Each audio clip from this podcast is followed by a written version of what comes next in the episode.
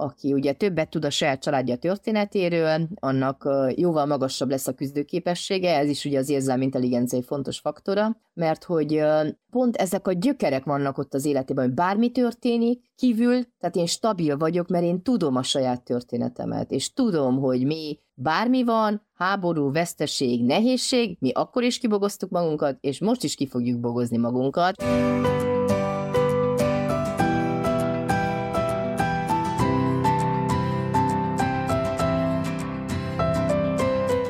És boldogan élünk. Ú, de dörzsöli valaki a szemét. Sziasztok! Sziasztok! Boldogan élünk Annával. Csak egy rés van a szemem helyén. Tudod, mikor betereltek a kínaiakhoz, ez az a sztori. Igen, igen, igen. Beszélgettünk korábban. Sziasztok, sziasztok! Eltelt ismét két hét, ismét itt vagyunk. Rendhagyó időpontban, számunkra rendhagyó időpontban, amikor ez a fölvétel készül, mert hogy Anna éppen pizsama napot tart. Elmondhatjuk, szia Anna! Szia István, sziasztok, kedves hallgatóink! Hát pizsama napot nem, mert dolgozom, csak még pizsamában vagyok. Pizsama felvétel napot, na, a ez a korrekt. Igen. Ilyenünk még nem Csík volt. van a szemeim helyén, igen. Éjjel vettünk fel, de reggel még nem. Kis kulisszatitok, reggel állítgatják a, a, az asztalt, a, a technikát hasonlók, és akkor Ede így besonfordált a képernyő oldalában, és fölkapcsolta a világítást, hogy Anna ilyen lemondóan, hát figyelj, ez nem sokat segített. De készítsünk egy fotót, majd azt megmutatjuk a hallgatóinknak, hogy hogy nézzünk ki. Hát persze. Na. Hogy nézzünk ki reggel? Így nézzünk ki reggel. Csináltam egy reggeli fotót, ezt majd föltesszük a Face meg az Insta oldalunkra. Ez az az állapot, amire mondtad, hogy ha valaki fog szaladni lát, akkor szaladjon utána, igaz, mert akkor nagyon nagy baj van ilyenkor. Reggel hatkor? Kicsit később van, nem reggel 6 óra van, de, de ez egy szombati reggel, amikor az ember egy picit elengedhetné magát, viszont mi úgy döntöttünk, hogy nem engedjük el magunkat, annál is inkább, mert hogy ugye nemrég volt nekünk januárban egy születésnapi live ahol kikértük a ti véleményeteket is arról, hogy mit szeretnétek hallani a műsorban, mi volt az elmúlt egy évben az, amit nagyon szerettetek, mi volt az elmúlt egy évben az, amin mondjuk a tapasztalatatok szerint érdemes lenne változtatni, vagy, vagy milyen irányban mozgolódjunk. Ugye ezt minden műsor végén kérdezzük, és jöttek is egyébként üzenetek, hogy, hogy milyen témákat hallanátok szívesen, és ebben a live-ban hangzott el az a felvetés, hogy szeretnétek, hogyha egy picit rendszeresebben lennének, ilyen klasszikus, úgymond úgy fogalmaztatok talán, ha jól emlékszem, hogy mesepszichológiás témák. Emlékszel, Anna, hogy volt egy ilyen kommentünk, hogy, igen, hogy mese, igen. mesepszichológiás témák kerüljenek elő, és akkor azt beszéltük, hogy jó, akkor fogjuk meg ezt a, a vonalat, hát mi végül is értetek vagyunk, és, és ezért csináljuk ezt, úgyhogy egy nagy mesepszichológiás témába vágjuk a fejszénket, amiről én néhány percet tudtam meg egyébként az előzetes beszélgetésünkben, mondta, hogy nagyon írott előzménye nem is nagyon volt ennek a témának a Mesepszichológia gyakorlatban című könyv megjelenése előtt, amit ugye Kerekes Valival, aki az Edison platformos adásban vendégünk is volt, vele, mint társszerzővel írtátok meg, és ez pedig a, a temeséd illetve azt mutat, hogy narratívák, élettörténetek. Beszélgessünk erről. Nekem nagyon tetszett a megközelítés ennek az egész történetnek, mert ugye most azt fogjuk körbejárni, hogy milyen szerepet játszanak az élet és családtörténetek az önbecsülés és a rugalmas alkalmazkodó készség kialakulásában, és egy idézetet is hoztam ide a fejezetből, az egyik legszebb ajándék, amit a gyermekünknek adhatunk, az ő saját életmeséje, élettörténete. Írtad ezt a könyvben. Nagy fába vágjuk a fejszénket, ugye? Igen, szerintem ezt akár több műsorban is körbejárhatjuk, mert nagyon nagy téma, és hát honnan is induljunk ugye a gyerek történetében, talán onnan, hogy hogy a gyereknek nincs önéletrajzi emlékezete, vagy nem abban a formában, ahogy mi felnőttként ugye konstruáljuk az életünket, és ezért nagyon-nagyon fontos, hogy minél többször elmeséljük neki a saját meséjét. És persze az nem úgy kezdődik, hogy megszületik a gyerek, és akkor elkezdem neki mondani a történetét, hanem úgy, ahogy nő, elkezdjük elmesélni a napnak a történetét, vagy annak a napszaknak a történetét, visszamesélni, hogy emlékszel, amikor sétáltunk, és megijedtél a kutyától, vagy amikor találkoztunk, mit tudom én, Karcsi bácsival, és akkor ő azt mondta, hogy tehát, hogy, hogy folyamatosan egymásra fűzzük az eseményeket, és ezeket ugye visszameséljük a gyerekünknek. Persze, hogy az is már nagyon fontos, hogy az ő megszületéséről is legyenek történetek, vagy a megszületése előtti időszakról. És aminek a megszületése kapcsán szintén is fontos elmondanunk, hogy köszönettel tartozunk, ugye azt, hogy a műsorunkat a Vodafone támogatja a Podcast Pioneers, a sokszínű tartalmakat népszerűsítő programja által. Ez volt a reklámhelye. Anna, a szó ismét a tiéd. ja, ez nagyon jobb beszóltad, de a történetek összekötnek, tudod, mint a, a fesztiválunknak a mottoja. Ami pedig a Kult Fesztivál, ez volt a reklámhelye. Kövest Facebookon és Igen, Instán. ez... és akkor majd meglátod, hogy miért kötünk. Na, hol is tartottam? Tehát, hogy el, hogy el kell mesélni a gyereknek a történetét, ezért is készült ugye a Temeséd című könyv, mert hogy engem mindig is idegesítettek azok a babanaplók, amik ilyen statisztikai adatokra vannak felépítve, hogy akkor született, 56 centi, 2300 gram, és akkor mennyit gyarapodott szerda délután, és mikor befizett, és mikor látszott ki a kicsi fogának a hegye, mert hogy ezekre már senki nem lesz kíváncsi mondjuk 40 év múlva, vagy nem fogja úgy megdobogtatni a szívedet ez a fajta történet, hanem sokkal inkább az, amit ugye ennek a naplónak az elejére is betettem kérdésként, hogy hogyan ismerkedett meg anya és apa, hol volt, hol nem volt, tehát hogy végül is mindannyiunk története ott kezdődött, még akkor is, hogy a szüleink elváltak, vagy, vagy bármi történt, hogy egyszer anya és apa szerelmesek lettek egymásba, és még nem is ott kezdődik, mert egyszer a nagyszüleink is szerelmesek lettek egymásba. És aztán a dédszüleink és az ükszüleink, és lehet, hogy a, egyszer beszéltünk erről is, hogy milyen érdekes lenne visszakeresni a szerelmi történeteket a családban, tehát hogy visszamenni a, a különböző szálakon, és megnézni, hogy tudom-e egyáltalán, hogy az én nagyapám és a nagyanyám hogyan kerültek össze. Például az én nagyapám ö, nagy motoros volt, ezt nem tudom, meséltem? Ezt nem, ezt nem. Elmesélted, hogy, vagy azt említetted, hogy ez egy érdekes történet lenne visszafejteni a transgenerációs életeken átadásunkban, de ezt Aha. a motoros sztorit, ezt nem mondtad akkor. Nem meséltem el? Na, akkor elmesélem. Hát az én nagyapám, tehát ez az igazi promóter, tényleg. mindig járt a feje valami, az esze valami, és nagy motoros volt, sőt, rengeteg ilyen dia is van az ilyen különböző motoros versenyekről, és egyszer meglátott egy jó nőt az utcán, a nagyanyámat, és akkor átfékezett, hogy elesett a motorral, tehát hogy hasra esett szó szerint. Eltűrt a bokáját szilánkokra, tehát hogy nagyon-nagyon sokáig gipszben volt a lába, és akkor valahogy így kellett járjon udvarolni. De hát ez a nagyapám, ez például, ugye, ha már történetek, akkor Marosvásárhelyről Nagyváradra járt kávézni. Tudod, az 250 kilométer, vagy lehet, hogy még több. Felugrott egy kávéra, kávézott, az hazajött. igen, az igazi nagyvilági ember, ahogy hát szokták mondani, nem? Tehát az jövi az a boros történet a könyvből, a narancsárga mese pszichológia könyvből, akár majd uh, azt is egyszer elmesélem. El fogod mesélni, Tehát, megkérdezni hogy... fogok róla. A, a, a, modell kap, okay. a modell kapcsán, amit arra építettél föl. Mert hogy uh, mi, minden családban ugye megvannak ezek a kedvenc figurák, akinek valahogy úgy több története van, vagy akinek a történet szálaihoz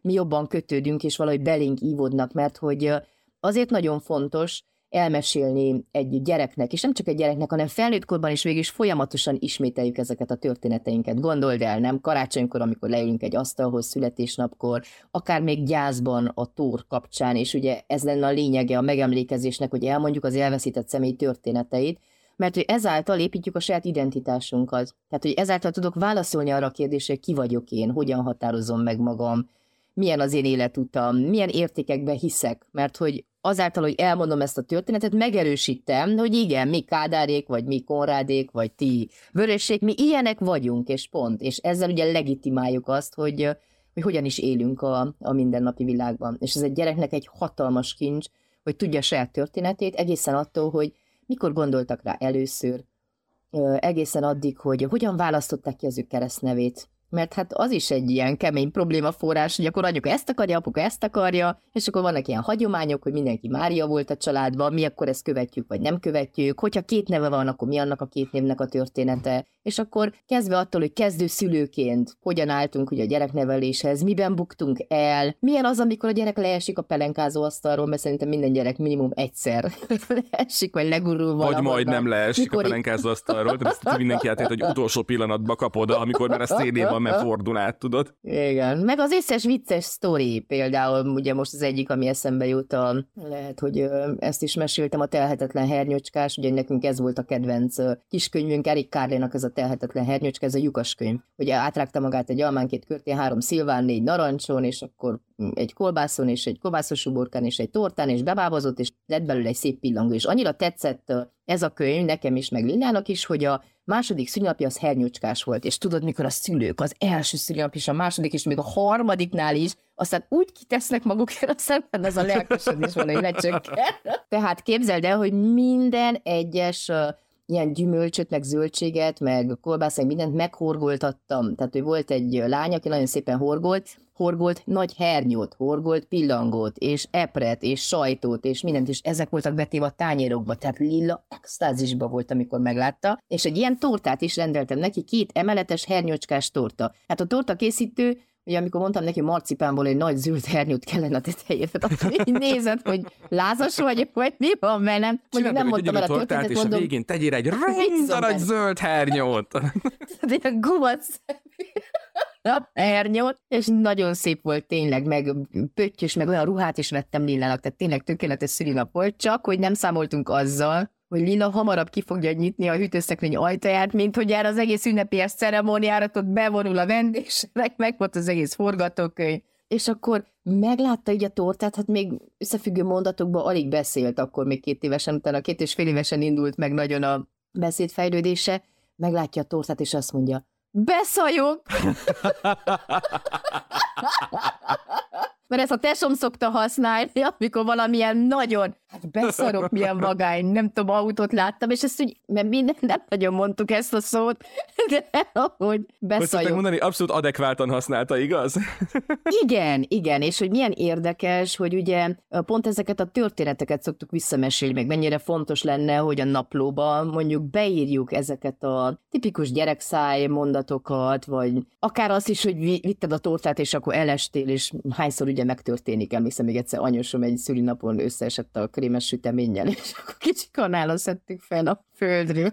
Vagy nem is anyósom, az anyukám volt. Anyósomnál az egyik unoka verte le a krémes sütit. Tehát, hogy ezek mind, mind nagyon fontos történetek, mert hogy ezekből áll végül is össze a mi életmesénk. És ezek nem kell, hogy tökéletes történetek legyenek, és nem kell, hogy a mi tökéletességünkről szóljanak. Ugye erre többször is kitértél a, a mesepszichológia gyakorlatban könyvben. Illetőleg ugye volt még egy, egy apró pici kis adaléka ennek a, ennek a történetnek. Azon a ponton, amikor mondtad, hogy azt is elmesélni a gyereknek, vagy az, hogy mennyire fontos a gyereknek már azt, hogy hogyan készülnek rá a szülők, hogy nevet választanak neki, hogy hogyan várják őt. Ugye egy fél mondatban a mesepszichológiában azt is meg említetted, hogy, hogy várják-e a szülők a gyereket. Igen. Egy várt gyerekről van ez szó. Mert hát ugye azt se felejtsük el, hogy ugye ezek a szép történetek, de mi van akkor, hogyha valaki akár nem vár gyerek, és csak mondjuk véletlenül pottyan be a család életébe, jó, utána várják, még az a forgatókönyv is lehet. Például mondjuk az én történetem az pont ilyen, és akkor ott lehet látni, hogy általában ugye azok a gyerekek, akik csak így véletlenül jönnek ugye a család életébe, nekem anyukám 19 éves volt, apum 20, és apum pont akkor készült katonának, és gondold el, mikor ugye kiderült a családban. Nem tudom, miért ájuldozott mindenki annyira, mert hogy déd nagyanyám 19 évesen szülte meg nagyanyámat, nagyanyám 19 évesen anyukámat,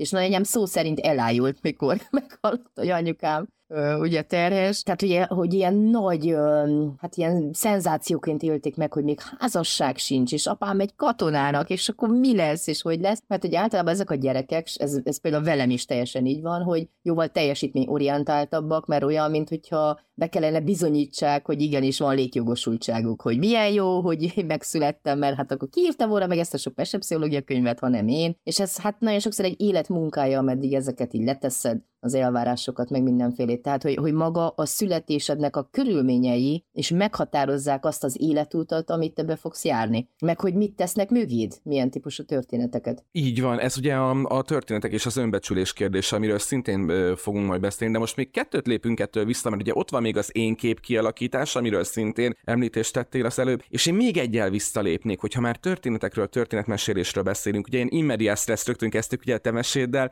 de hát ugye a történetmesélés ugye nem csak a, a mi egyéni életünk, vagy a mi kis makrokörnyezetünk, vagy a családunkban egy, egy fontos dolog, hiszen ugye, ahogy idézted is Mario Vargas Llosa írót, Peru írót, az ember legősibb tevékenysége a történetmesélés. Mert hogy alapvetően ugye egy mesékkel átszőtt világban élünk, amelyek lassan bennünket is behálóznak, írod a mesepszichológiában, és ahogy mondtad, ezeknek a meséknek az újramesélése gyakorlatilag maga az életünk. Bennem ezen a ponton merült fel az első kérdés, de akkor mégis miért olyan fontos, hogy mindannyian ismerjük a saját magunk történetét, a családunk mesét, hogyha azt mondjuk, hogy egy ilyen nagy-nagy éterben, ha úgy tetszik, ugyanazok a történetek, ahogy írtad is, keringnek és mennek körbe-körbe. Itt van ez a gondolat, most én is elővettem a narancsárga mesepszülőge könyvet, hogy nézzem meg, hogy miket írogattam oda bele. régen, régen volt. Tudod, félálomban, mert minden könyvet éjjel írtam, és hát képzeld el, hogy nagyon-nagyon összemosódik, uh-huh. mert egyrészt tudom, hogy uh, miket akartam írni, aztán nem tudom, hogy azokat leírtam el, plusz uh-huh. még a szerkesztő is egy csomó mindent ugye kivágott, írt javaslatokat, hogy Aha. mit írjak, és sokszor, amikor ugye veszem a könyvet, meg vagyok győződve, de hát ezt leírtam, de nincs benne, hát akkor hol van, és keresre. Mondtad, ha, ha mondtad volna, írok oldalszámot. De ez még ott az elején van, ott az elején ott a 20 Persze, oldal tudom, körül. de hogy ezt a gondolatot akarom, mert ezt tudom, hogy miért tettem ide be ezt az idézetet, hogy ez a Tóth Krisztina idézet, hogy az emberiség a saját történeteit ismétli szüntelen, egyenletes mormolással. Ugyanazok a történetek szállnak anyáról lányra, apáról fiúra, ugyanazokat a történeteket meséljük a vonaton, szemben ülő rokon kedves idegennek, a szomszédnak, az időről időre megszólított halottnak, ugyanazok a történetek keringenek a világ telefonvonalaiban sisteregve, egyenletes, szüntelen zümmögéssé olvadva. És ez nekem annyira tetszett, mert hogy mégis erről van szó, hogy mindannyian ugye elmeséljük a saját történeteinket, olyan, mint hogyha megerősítenénk, a, amint mondtam az előbb, a saját identitásunkat, és azért is kell, mert ezzel végül is a, az egyéni történeteinkkel bekapcsolódunk az általános történetekbe. Erre gondoltam, ezt akartam kérdezni, hogy így a nagy egésznek egy részévé válunk. Igen, igen, és hogy hát kulturálisan, vagy akár helyileg bekapcsolódunk a történelembe, tehát az, hogy én erdélyi magyar vagyok például, az ugye meghatározza az én identitásomat, és akkor én ennek a tájegységnek a történetét, vagy az egész Trianon történet, vagy akkor mi volt és hogy volt például ugyanez a nagyapám, hol a Romániába kötött ki, hol Magyarországon, mert uh, mindig tövisnél húzták meg a határokat, egyszer felébredt Magyarországon, utána felébredt Romániába volt, meg hogy az ő, ugye akár a háborús történetek, a, ők 13-an voltak testvérek, hogy akkor egyáltalán a család a, a szegénységben hogy bogozta ki magát, hogy lopták el a zsírt, ugye a zsíros bödönből, mert nem volt mit enni. És ezek mind, mindannyiunkat meghatároznak, hogy, hogy az adott történelmi korszak, az adott tájegységnek milyen története van, és én azt hogyan éltem meg. Ezért nagyon szépek az ilyen önéletrajzi visszaemlékezések, az életút interjúk. Például ezt is nagyon-nagyon ajánlom ott, ahol még élnek a nagyszülők, dédszülők, hogy menjünk és hallgassuk végig koherensen azt a történetet, ami azt jelenti, hogy ne csak egy kiragadott rész rész legyen benne, amit például Vali készített el az ő nagymamájával, hogy ott ült mellette, és a nagymama pedig így nagyon udvariasan bemutatkozott, elmondta a nevét, elmondta, mikor született, és akkor elkezdte mesélni a történetet, de hogy két nap alatt végül is egy teljes történelmi korszakot ölelt át, mert, mert elmondta az ő helyét a világban, az ő gondolatait, az ő hozzáállását, az ő félelmeit, a szorongásait. És hogyha transgenerációsan nézzük, mert ugye erről is volt egy műsor, még ott az elején szerintem pont a második adásunk volt. Nem biztos, vagy a hogy a második, de ott az első ötben biztos, hogy benne van, és életeken át a azt szeretné valaki visszakeresni, igen, igen. Mert hogy az is milyen érdekes, hogy ezek a transgenerációs történetek, mert úgy is meghatározhatom magam, hogy a női vonalon ugye visszamegyek, és hogy, hogy az, aki én vagyok, abban benne van az én dédnagymamám, nagymamám, édesanyámnak a története, és biztos, hogy nagyon sok minden van, amit mindenkinek tovább kell vinni, de olyan is van, amit felül kell írni, és azt mondani, igen, ez abban a korszakban teljesen reális, reális volt, de ez most már nem határozhatja meg ez a félelem az életemet, és akkor dolgozhatok ezen. De ez egy kemény kutató munka, például akár a családi fotókon keresztül. De az is mennyire szép történetmesélés, amikor elővesszük a régi képeket, és megnézzük, hogy, hogy például mondjuk a dédszülők tíz fotóval leélték az életüket. Tehát készítettek egyet születéskor, egyet keresztelőkor, még párat esküvőkor, aztán utána akármikor a, a, megszülettek a saját gyerekek, nekik is a fontosabb életesemények, és ott még temetéseken is készítettek fotót, ahogy ugye a körbeállták a, az unokák a, a ravatalt. Erre a gondolatmenetre rácsatlakozva, akkor egy gyors közbevetés. Azt írtad, hogy milyen szép ajándék, mert elkezdtem gondolkodni rajta, hogy ehhez képest tudod, most beszélünk erről, és nem tudom, hogy hányan vannak így a hallgatók közül, hogy én milyen lusta dög rohadt szülő vagyok, hogy én ezt nem tudtam így megcsinálni, mert 7 éves a gyerekem, és én mindig is azt akartam, hogy egy ilyen szép nagy csomagot úgymond átadni neki, tudod, így arany papírba csomagolva, masnival átkötve, és 7 évet elcsesztem, és hogy lehet ezt visszacsinálni? Írtál egy olyat, hogy, hogy például milyen szép ajándék lehet, hogyha veszel a gyereket születésekor ilyen pici fotóalbumot, és ebből a pici fotóalbumból mondjuk egy ilyen 18 darabot ilyen egységes külsejűt veszel, hogy mindegyik majdnem ugyanúgy néz ki, és ebben mondjuk a 18 éves koráig gyűjtögeted a képeit, és mondjuk 18 éves korában ezt a, ezt a sorozatot így, így odaadod neki. Szerintem erre nekünk már, akik részt veszünk ebben a beszélgetésben, akár beszélgető, akár hallgatóként, azért van egy nagyon jó mencsvárunk, ami azzal sokat szidott technika, nem? Mármint, hogy elkészítjük a a hogy fotókat. nem, nem, nem késünk le róla. Tehát most pont azon gondolkodtam, ja, hogy, igen. hogy mondom, úristen, ezt hogy tudnám megcsinálni a gyerekemnek, és aztán belegondoltam, hogy a telefonomban, ugye a Google fotókban ott van gyakorlatilag a születéséig visszamenőleg az összes kép, amit készítettem róla. Igen, és hogy pont ez a lényeg, hogy ezt visszamenőleg is el lehet készíteni. Tehát, hogy mindenki nyugodjon meg. Még nekem sincs meg, pedig leírtam, hogy ez így jó lenne, de mindig tervezem. Tudod, azon a nyáron, amikor majd szabad leszek, mert hogy ez egy hatalmas munka, mert ezekben az egyforma fotóalbumokban ugye ki kell válogass 50 vagy 100 olyan képet, ami abban az évben ilyen nagyon érzelemteli momentum volt, és teljesen másképp választod ki mondjuk akkor, amikor benne vagy, és visszatekintesz rögtön arra az évre, és teljesen másképp fogod kiválasztani, hogyha mondjuk most neki fogsz, és ebből a 7 éves kislány történetének a szemszögéből nézed vissza az eseményeket, és lehet, hogy ez a távlati perspektíva még jobb, mert akkor bele vagy ragadva még, és azt mondod, hogy jaj, hát nem is tudom, hogy hogy válasszak, mert az a 26 pozíció, amikor felmászott az asztalra, és az a 46, amikor lemászott, az mindenik olyan fontos. Tudod, mikor az első gyerekes szülők Igen. mondják, hogy, hogy minden fotó, mert az a kis ránc az arcán, és stb. stb. És persze, hogy ez akkor a legjobb, hogyha ugye azzal társul, hogy minden fotó mellé még oda kerül egy kis történet, hogy ez akkor történt, és emlékszel, és ehhez kellene ugye megírni akár egy naplóba az ő történetét, akár venni egy sima füzetet, és minden hónapból egy-másfél oldalba összefoglalni azt a történetet, mint ahogy egy jó könyvelő lezárja az adott hónapot, de ez se gond, hogyha nincs megírva ugye folyamatosan, mert még a 80 éves anyuka is megírhatja a 60 éves fiának a történetét. Pont ez a lényeg, hogy senki nem kell rosszul érezze magát, mert ő bármikor lehet, természetesen ezek időigényes dolgok, tehát ez nem úgy működik, hogy kedről szerdára megvan. A barátnőm készítette el a 27 éves fiának a az életmeséjét. 33 oldalban megírta kézzel ennek a gyereknek a történetét, azt is leírta, hogy hogy amikor megszületett, akkor, vagy mielőtt megszületett volna, ugye elveszítette az édesanyját, és hogy a gyászveszteség érzése hogyan keveredett össze a várakozás érzésével, azt is elmesélt, hogy leesett a gyerekkel a karján, építkezés volt a ház körül, és képzeld, de úgy estek, hogy a gyerek mindkét lába eltört, akkor gyorsan fel a kórházba, utána valamilyen kenyeret sütöttek, és a kemence kidobta őket az udvar közepébe, égési sérülések, utána a gyereknek nyíltörése lett, az apuka elájult a kórházban, és hogyha ezt így végighallgatjuk, akkor teljesen az az érzésünk, hogy, hogy szegény gyerek még jó, hogy megírta a felnőtt korát valahogy meg tudott nősülni. Igen, igen.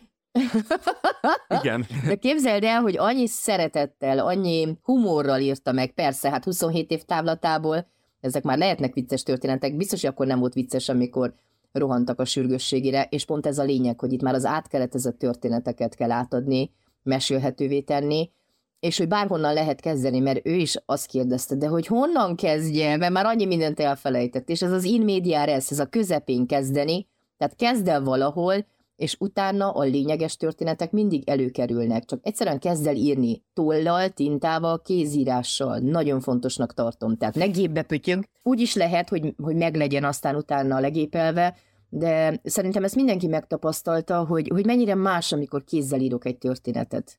Én amúgy úgy kezdtem el a naplókat, ezt a temesédet, hogy, hogy tényleg elővettem a tollamat, ugye felszívtam tintával, szerintem negyedikes koromban írtam utoljára tintával, és hogy fú, tehát teljesen más a kézírás, és az egy olyan megszentelt pillanat, hogy wow, elkezdtem a gyerekem naplóját, és akkor hogyan is írjam le azt, hogy akkor apáddal, amikor megismerkedtünk, és hány évet vártunk rád, ugye nálunk még ezt a két szálat is össze kellett dolgozni, az örökbefogadásos szálat, Szerencsére mi ezt már nagyon sokat meséltük, de hogy, hogy, hogy az is teljesen más, amikor írásban marad meg, mert a mesélésre te mindig formálhatod, visszatérhetsz, kiegészítheted, de amit leírtál, az úgy marad. Igen, mert hogy itt most egy picit megyünk a, a, a nagyból vissza a, a részletek felé, mert ugye az már egy, amit mondasz, hogy, hogy megírtam, mondjuk ott az a 30 oldal, az egy kész történet. Tehát ott már, már megszületett a történet. Na de mi van akkor, amikor ugye születik ez a történet? És ugye ennek talán ö, úgy fogalmaztál, hogy, hogy egy koherens élettörténet kialakítása az a létszükségletünk,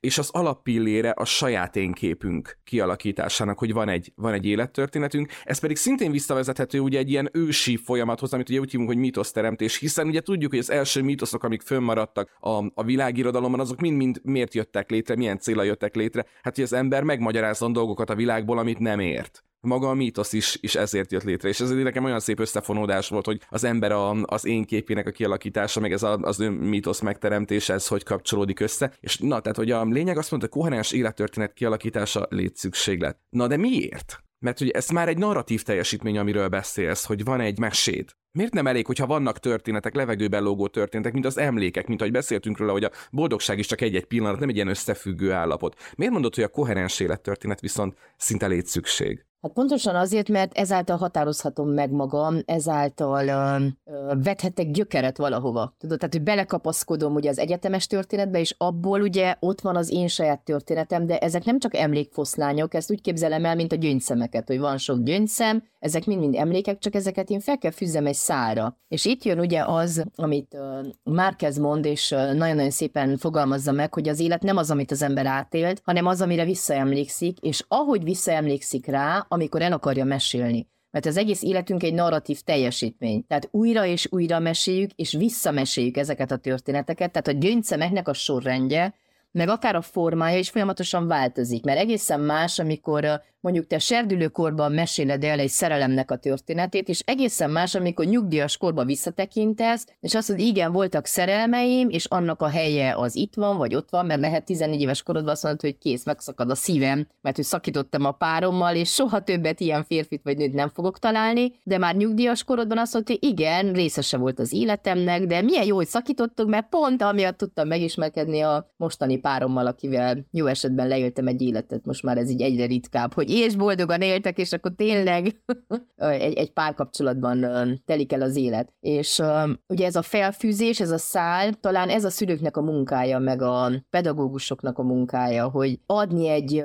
keretet ennek az egészet, hogy megtanítani a gyereket úgymond emlékezni és történetet mesélni. Mert hogy ő még ezeket nem tudja, tehát pont a mesélésből tanulja meg, tehát minél több mesét mondunk neki, és minél több életmesét, megkonstruálja ő is a saját, ugye ezt a koherens élettörténeti narratívát, úgyhogy hogy ez is egyféleképpen egy hőstörténet legyen, vagy egy Hát ugyanúgy, mint a népmesében, ahogy elindul a, a szegény legény. És akkor ugye hol volt, hol nem volt, volt egyszer egy, és akkor kislány vagy kisfiú, aki megszületett, és akkor ez történt vele. Tehát ugyanúgy a konfliktusok, a nehézségek, ezeknek, a, hogy hogyan bogoztam ki, az álhősök, akár a párkapcsolatos történetek, az égigérő fa teteje, a saját önmegvalósításom útja, és uh, ahogy telnek a napok, mind nőnek ezek a történetek. És megint újra kell mesélni, hogy ezeket ne felejtsük el, mert képzeld el, hát az, az is szinten a száz év magányban, ugye amikor, amikor nincsenek már emlékek, nincsenek már mesék, nincsenek történetek, vagy az emlékek őrében van a film meg a könyv, nem tudom, hogyha olvastad, azt például ajánlom olvasás, az pont erről emlékek szól, hogy... Nem, a száz év magányt olvastam, és nagyon-nagyon nehéz is volt egyébként Hú, megérteni ezt, hát nehéz, mint, hogyha az, mint, hogyha az idő mindig körbe járna, hogy ugye ez volt igen. az érzésed, igen. Hát mert ez történnek. Hát képzeld el, hogyha minden reggel uh,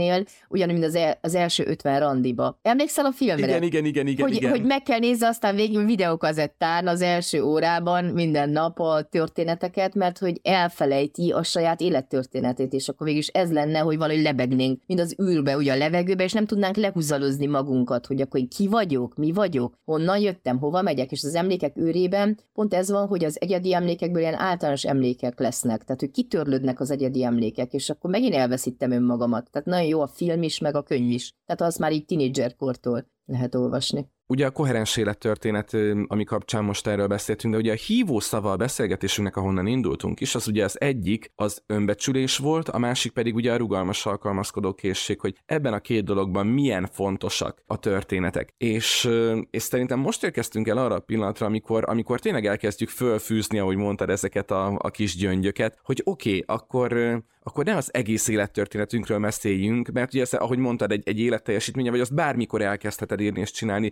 de akkor itt ételezzük föl, hogy abban az állapotban vagyunk, amikor, amikor ez a folyamat beindul az életünkben, és elkezdjük ezeket a gyöngyöket egyesével megalkotni, hogyha úgy tetszik, amik aztán fölkerülnek erre a szára. Mert hogy a narancsárga mesepszichológiában az áll, hogy a gyermek önbecsülését megalapozhatják, vagy aláshatják már gyermeki korban hogy milyen történeteket mesélünk nekik. Egyet lépjünk vissza, hogyan fogalmazható meg egyáltalán az önbecsülés? Tehát magát az önbecsülést hogyan fogalmazni meg az önbecsülés születését, és aztán ennek összefonódását a történetekkel, amik által önmagáról képet alkot a gyermek. Ez az önbecsülés, ez, a, ez az érzelmi intelligenciának egy fontos faktora, ugye a Baron féle elméletben, mert ugye van a szükkörű megközelítés, és van a tágkörű, és ugye ez a saját magunkhoz fűződő érzelmi viszonyulás, hogyan látom magam, hogyan értékelem magam, ugye a saját határaimmal, meg a saját korlátaimmal együtt. Tehát, hogy minden történet ott kell legyen, ugye ahhoz, hogy egészséges legyen az önbecsülésem, és ezek egy kicsit ezek az átkeretezett történetek, mert hogyha én folyamatosan azt ismétlem magamnak, akár a családtörténeti szinten, hogy mi Kovácsék, hát milyen szerencsétlen pekhes generáció vagyunk, hogy nekünk soha semmi nem sikerült, ha már a nagyapám is belebukott az apám is, és nekem is azt mondták, hogy inkább ne induljak el, mert az élet az nehéz és kemény, és nem csak háború van, hanem még most ráadásul földrengés, és jön a világ vége, és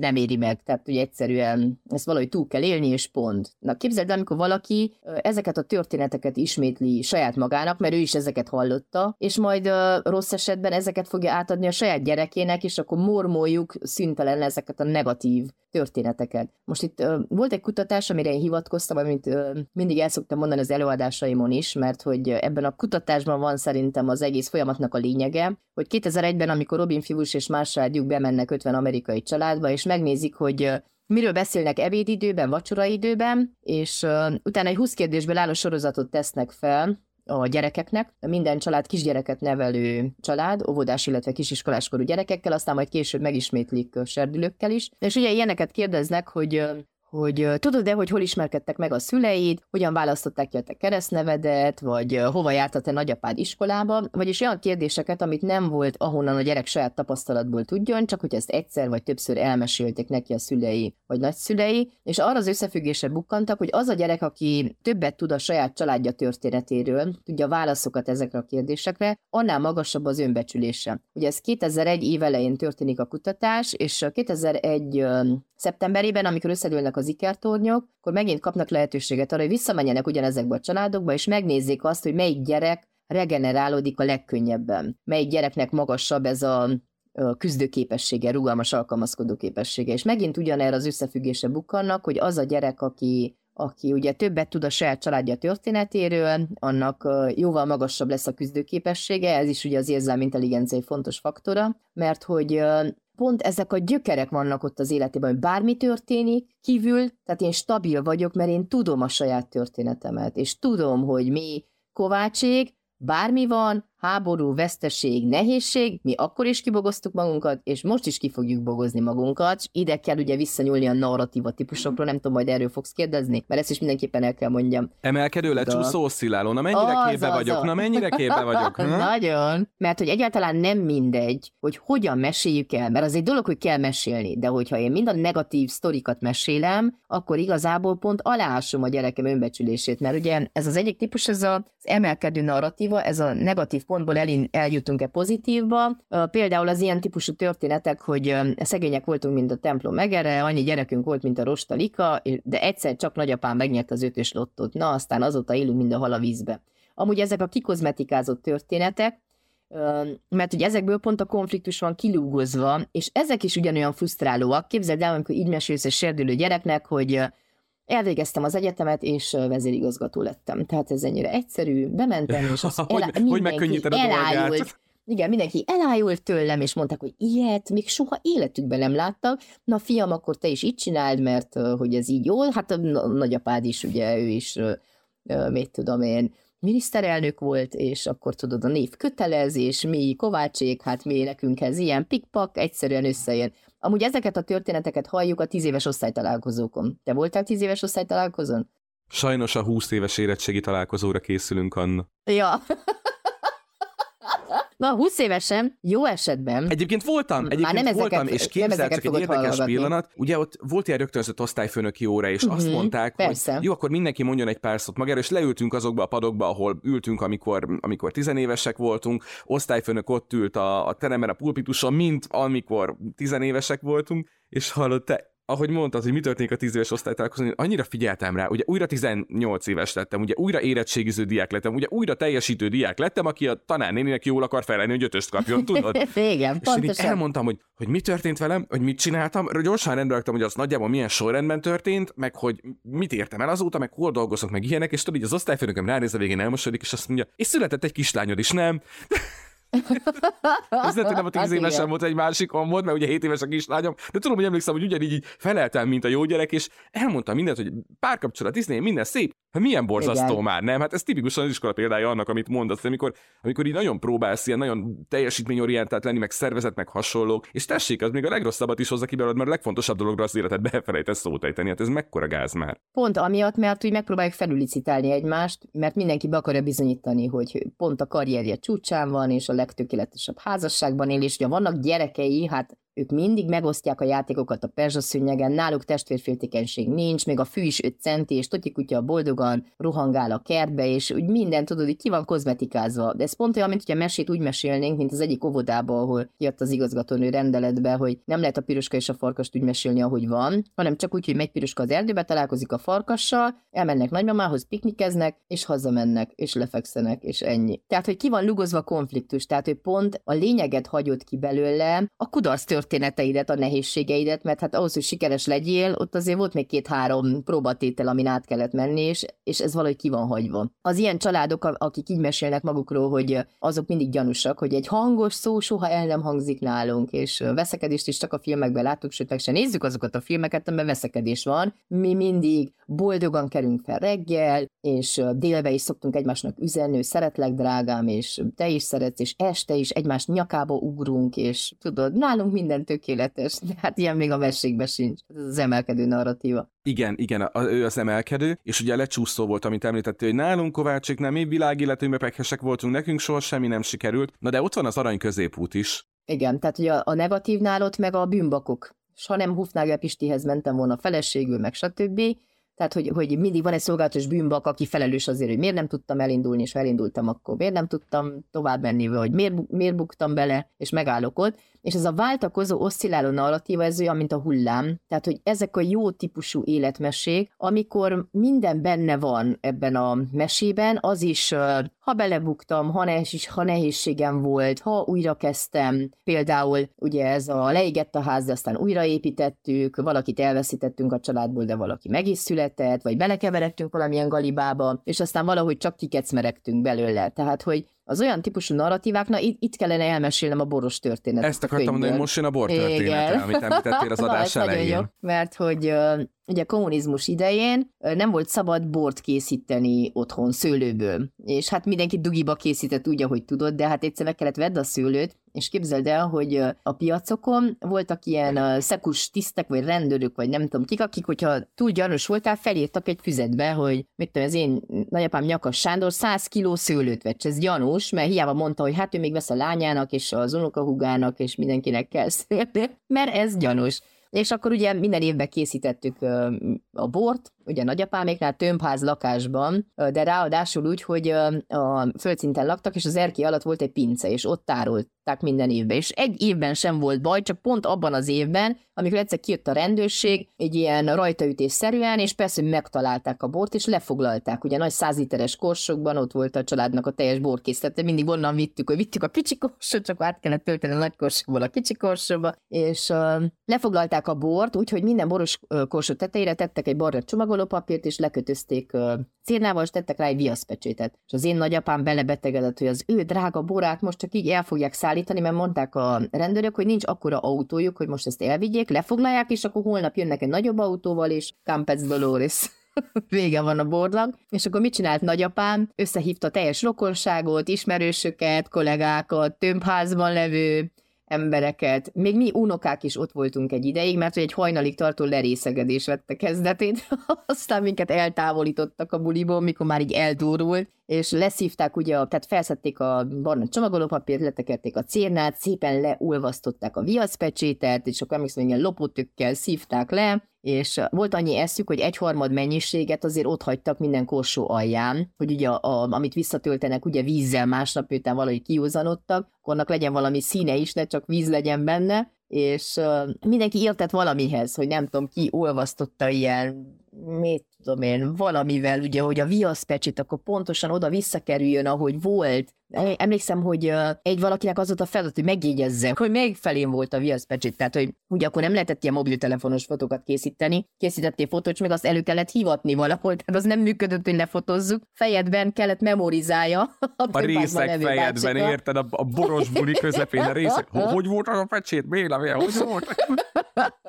és akkor reggel, amikor uh, utána jöttek, tényleg el is vitték a bort, és uh, mindig azon nevettünk, mert ez minden családi összejövetelnek egy kötelező eleme volt ez a boros történet. Nálunk nem csak a nóta járt körben, ugye a dédszüleimnél mindig körbeültük az asztalt, meg volt mindenkinek a helye, el kellett énekelni mindenki a saját nótáját, ez bármilyen összejövetel volt, és elmondtuk a kedvenc sztorikat. Na és ez a boros történet, mindenki tudta a végét, de hát ez ilyen fergeteges volt. Felvettük magnószalagra is annó, csak nem digitalizáltuk, és sajnos szétporlat, pedig milyen vagány lenne, hogy most meg lenne. Na és ugye az a lényege, hogy nagyapám mindig mondta, mindig az volt a történet csattanója, hogy vajon milyen képet vághattak a rendőrök, amikor nagyapámnak ezt a fantasztikus borát megkóstolták, meg, meg hogy egy kis port is szórtak mindenik boroskósó tetejére, hogy akkor tűnjön úgy, hogy az éjszaka leple alatt megszállt a por a boroskósokat. És aztán utólag derült ki, hogy nagyapám nagyon büszke volt a borára, hogy ő aztán ilyen bort készít és olyat, de aztán kiderült, hogy a családi további narratívákból, hogy ez googolós bor volt. Tudod, milyen a googolós bor? Na mesélj. Nem tudod? Látok, nem használják ezt a kifejezést? Nálunk azt a kifejezést használják itt Kalocsányon, hogy kocintós bor. Tehát volt egy keceli borfesztivál, ahol az nem tudod is megtermett, tizé, jó szituált, pocakos ember kiállt, és büszkén a beszédének, a borfesztivál megnyitójának a beszédének a végén elmondta, és mi keceliek, mi találtuk fel a kocsintós bort, a kannás bort. Ez a kétes dicsőség, de ő nagyon büszke volt. Á, tehát mi ezt kocintós kannás borként ismerjük, a pejoratív minőségű borfogalmat, tudod. Igen, na nálunk a googolós bor az az, hogyha elmész egy ház előtt, akkor az ablak alatt legugolsz, hogy nehogy véletlenül behívjanak, hogy megkóstold a bort, mert az savanyú. Ez a googolós bor. Tehát, hogy nem volt olyan jó a bor, mint amennyire nagyapám büszke volt, mert egy kicsit googolós volt, de mindegy. De mindenkire rátuk válta, tudod, hogy na gyere, na így egy kicsit. Tudod, a borkészítés az olyan, mint a pálinka készítés, hogy mindenki ért hozzá, mindenki csinálja, és tudod, mindig félsz tőle, hogy a haver megkérdezi, hogy milyen, és azt kell mondani, hogy a tiéd a legjobb. Egy ismerősöm mesélte, volt egy cimborája, akik bort készítettek otthon, és akkor beszélték, hogy hétvégén buli, összejövetel otthon hasonlók, és mondta a srácnak, hogy, hogy, hogy jó, akkor mindenki hozzon valamit. Mondja a srác, jó, akkor én majd hozok bort. Azt mondja a haverom, azt mondja, de olyan bort hozzá, öcsém, amit te is meginnál, hogy meghőkölt. Azt mondja, ja, hát olyat mi nem csinálunk. Hát ez nagyon jó. Szerintem mindenkinek van egy ilyen boros sztoria. Hát jó, kivétel az ilyen profi borászoknak, de szerintem még ott is vannak ilyen évjáratok, amikor valami elszaródik, és tudod, akkor meg kell magyarázzák, hogy ez most mi pont nem lett olyan jó, mint ez az előtti. Akkor jöhet az átkeretezés, igaz? Akkor lehet átkeretezni. Na mert, hogy miért, miért is beszélünk erről a boros sztoriról? Egyrészt az oszcilláló narratíva, na ilyen az oszcilláló narratíva, másrészt ugye azt írtad a könyvben, hogy erre egy komplett kis modellt föl lehet építeni, hogy, hogy amikor így mesélsz egy történetet, hogy hogy lehet egy veszteség történetből egy szép történet, hogy lehet egy, egy alapvetően, mert ha belegondolsz, az alapsztori az mégiscsak szomorú basszus, hogy egyszer csak kinézték, jöttek a rendőrök, aztán vitték, tehát ez nem egy, nem, nem egy vidám történet, és, és mégis basszus fülig ért a szád, amikor mesélte. Tehát, hogy mégis látszott rajta, hogy ez egy meghatározó szép történet lett, vagy, vagy élmény lett, ami, ami ez a történet vált az életedben. És ugye azt néztem, hogy ennek van egy, leírtad egy hat pontos, jól látom, ennek leírtad egy hat Igen. pontos modelljét, hogy hogy lehet ezt... 51. oldal. 51. oldal, így van. Hogy lehet? Be van kékezve, látod? Látom, Posztit is van benne. Na, tehát, hogy, tehát, hogy ezt te konkrétan lemodellezted, hogy, hogy miről is beszélünk itt, hogy lehet ezt gyakorlatilag minden családban egy-egy ilyen úgymond veszteség történetre, ha ez nem is egy olyan veszteség történet, mint mondjuk egy haláleset, de egy-egy ilyen negatív történetre úgymond adaptálni ezt a modellt. Igen, pontosan. Ezt nem én találtam ki, én csak idéztem, és ugye adaptáltam. Bing Hall, munkám családi skriptekkel, ez egy családterápiás olvasókönyvben olvastam ezt a modellt, de nagyon-nagyon jól adaptálható. Ugye, mert arról szól, hogy van egy ilyen több fázisú folyamat. Az egyik ugye az, hogy a család egyszer megoldja ezt a nehézséget. Tehát, hogy az tényleg úgy is kell legyen, mert azt nem mondhatom el, hogy megoldottuk, de közben belebuktunk. Tehát, hogy valahogy tényleg ki kell bogozza a család elsősorban ezt a történetet. Utána kialakítanak egy narratívát, utána hogyha többször elmeséljük, és itt jön be ugye az önbecsülés, akkor a gyereknek is kialakul egy modellje, hogy hasonló helyzetekbe mit lehet csinálni. Ez a bőröd alá beleígnek ezek a történetek, mert nem a racionális agyaddal hallgatod, hanem ugye az érzelmi része azonosulás, identifikáción keresztül valahogy tényleg magadba szívod ezeket a megküzdési módokat. Miután ugye ezt a modellt többször alkalmazzuk, ugye ez a negyedik pont, utána már mitizálódik az eredeti esemény, és uh, itt már a család önképének a szerves részévé válik, mint, mint ahogy nekünk ugye ez a boros történet, meg sok más, amiket meséltünk, és ez uh, egy ilyen vezérfonalként szolgál, amikor uh, újra felidézünk más történeteket, mert hogyha ugye sikerült egyet-kettőt átkeretezni, akkor ez már tényleg az a szál, az a fűzér, amire az összes többi ilyen történetet felfűzzük. És ugye Mary Johnson svéd pszichológus pedig konkrétan azt mondta, hogy ugye van a mhm. belső uh-huh. önbecsülés, amiről beszélünk el, és van a külső önbecsülés, és erre szintén az adás elején utaltál, hogy hogy, hogy miért fontos ennek a kettőnek a, a, az egyensúlyával tisztában lenni, illetőleg, hogy hogy ha az egyikkel nem vagyunk teljesen rendben, akkor hogyan befolyásolhatja ez úgy a mi életünket, hogy ilyen úgymond kényszer teljesítővé, vagy túl teljesítővé válunk. És szerintem most se tudtunk hát el arra a pontra, hogy, hogy akkor ezt is érdemes átbeszélni. Igen, ez szerintem most sokunk számára ismerős a külső önbecsüléses dolgok, hogy, hogy ugye abban mérem, hogy akkor én most vastapsot kaptam, vagy nem, vagy akkor hány példányban adják el a könyveket, vagy akkor most megdicsértek, vagy nem dicsértek meg. Tehát, hogy ez a folyamatos teljesítmény hajszolás, ez ugye valamilyen szinten függővé tehet, hogy én csak akkor vagyok értékes, ha mit tudom én, van ezer lájkom, vagy most mit tudom én, ugye mi szoktuk mérni a letöltések számát. Minden ugye, nap nézem, minden nap nézem, feliratkozók letöltők a, számát, így közzel van. kell tenni majd a statisztikát, mert hogy milyen jó mutatóink vannak, és persze erre is büszkék lehetünk, de hogy a belső önbecsülés az pont az, hogy én önmagamban értékes vagyok, és ez nem külső körülményektől függ. És ugye ez a feltétel nélküli elfogadás, hogy te szerethető vagy, te úgy vagy jó, ahogy vagy, és ez, ez, ez ugye az anyai szeretetnek, a, meg az isteni szeretetnek a szimbóluma, ez is kell, és ugye ott kell legyen ugye ez az, az, az apai feltételes elfogadás is, tehát szerintem erről is egyszer még beszéltünk, hogy ugye az igényszint, a teljesítmény elvárások, tehát hogy kell valami cél, ami felette mész, mert hogyha csak feltétel nélküli elfogadást kapsz, akkor nagyon könnyen ott rekedsz a komfortzónádba. Mindig kell egy hajtó motor, ami felette elindulsz, de ez ne legyen túl sok, hogy már az egész életed egy ilyen mókus kerék, és soha nem tudsz pihenni, meg megünnepelni azokat a sikereket. Időnként meg kell állni,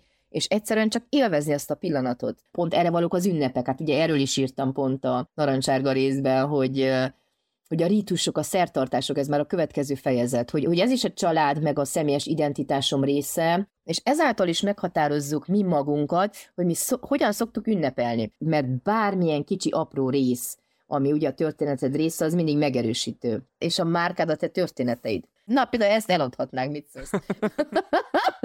hát ez, ez, igen, ez majd a mi történetünk lesz. Úgyhogy valaki ezt hallgatja, és nagyon ellenállhatatlan vágyat érez arra, hogy az általa vezetett cég szponzorálja a műsor, nagyon-nagyon szépen megköszönjük. De igen, de most aktív szponzor keresésben Igen, vagyunk, igen, ez az idei évnek az egyik projektje. Igen, elmondhatjuk. Igen, hogy támogatót keresünk, úgyhogy ha van olyan ismerősöd, aki, tehát ez nagyon fontos, hogy akihez a nevünket szeretnénk kötni, mindenképpen egy kicsit olyan történetekkel legyen, mint ennek az egész podcastnek a története, vagy a mi történetünk. Tehát, hogy etikus jelenlét ugye Á, de nekünk a, szerintem a csak piacon. ilyen hallgatóink vannak, akinek ilyen, ilyen környezete Igen. van. Én tök így én, én, tök, én tök így képzelem el, hogy azért ez, ez, a, ez a műfaj, amit csinálunk, azért ez egy olyan dolog, ami szerintem meg, megszűri a maga közönségét, illetve a közönség, ha úgy tetszik, megszűri magát, mert ugye ez nem egy tévéműsor vagy egy rádióműsor, hogy csak bekapcsolsz és készen kapod, hanem hanem ez, ez amit csinálunk, ez tényleg, hogy ha akarod rákattintasz, ha nem, nem. Tehát ha az első adás Igen. tizedik perce uh-huh. nem tetszik, elveszítettük a következő két évre. De az első adás tizedik perce tetszik, akkor meghallgatja a második, a harmadikat, negyediket, és akkor ő, ő így megmarad. Szóval szerintem ilyen szempontból ez egy baromi hálás műfaj, amit,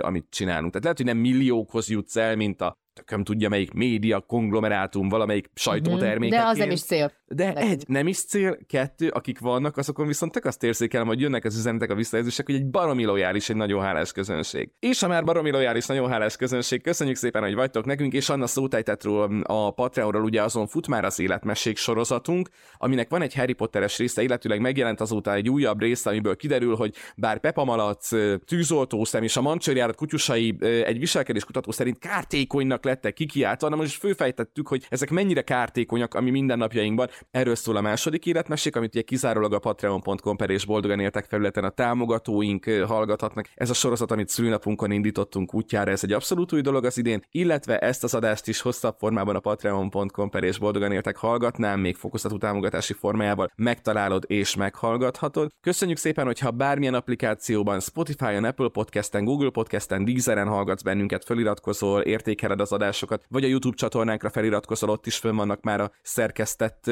adások. Ha megosztod ezeket és másokhoz is eljuttatod a jó hírt, vagy boldogan lehet élni, hogyha hallgatják ezt a műsort, hát akkor zárjuk azzal, Anna, hogy én szerintem ez egy félbe maradt történet lett most, mert ugye az önbizalomépítésről viszonylag sokat beszéltünk, a történetek és az önbizalom hogyan kapcsolódik össze, viszont erről a varázsszóról, amiről mondtad is már, hogy kéne nekünk egy egész műsor beszélni erről a rezilienciáról, nem sok szó esett, pedig ugye a történetek és a reziliencia szintén egy ilyen nagyon összekapcsolódó két láncszem. Uh-huh, pontosan. Jól érzékeltem?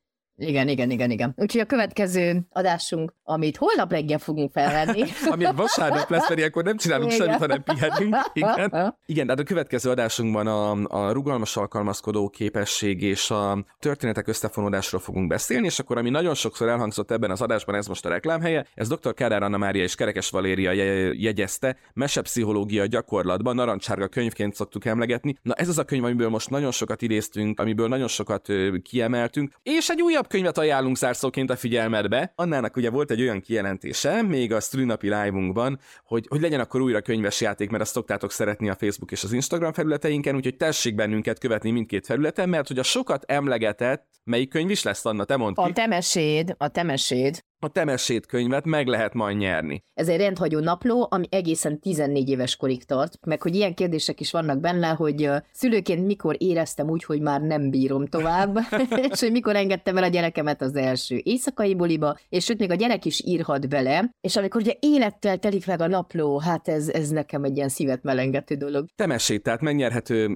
Facebook és Instagram felületünkön. Köszönjük szépen, hogy a követsz bennünket. Köszönjük szépen, hogyha az és boldogan éltek infokukas gmail.com címre, hogyha nem szeretnéd mondjuk egy nyilvános kommentben megírni, hogy miről hallanál szívesen, milyen történet van, amit szerinted érdemes lenne körbejárni, tanulságos lehet. Ilyen is volt már, kaptunk már ilyen történetet, amire egy egész adás épült, akkor megköszönjük, hogyha írsz nekünk gyors előrevetésként, ugye a következő adásban, ahol a reziliencia és a történetek kapcsolatáról fogunk beszélni, ismét bejön majd egy ilyen történet, egy, egy üzenet, amit, amit kaptunk egy konkrét élethelyzet kapcsán, amikor nem minden van rendben, amikor valami hiány keletkezik, hogyan töltöm ki, milyen hatással lesz ez a gyerekemre, rám milyen hatással lesz. Na majd egy ilyen hallgatói üzenet is, is bekerül majd abba az adásba, ami tehát két hét múlva jelenik meg, mi meg holnap fölveszünk annával. Úgyhogy köszönjük szépen, hogy itt voltatok és meghallgattátok ezt a részt, legyen szép napotok, sziasztok! Sziasztok!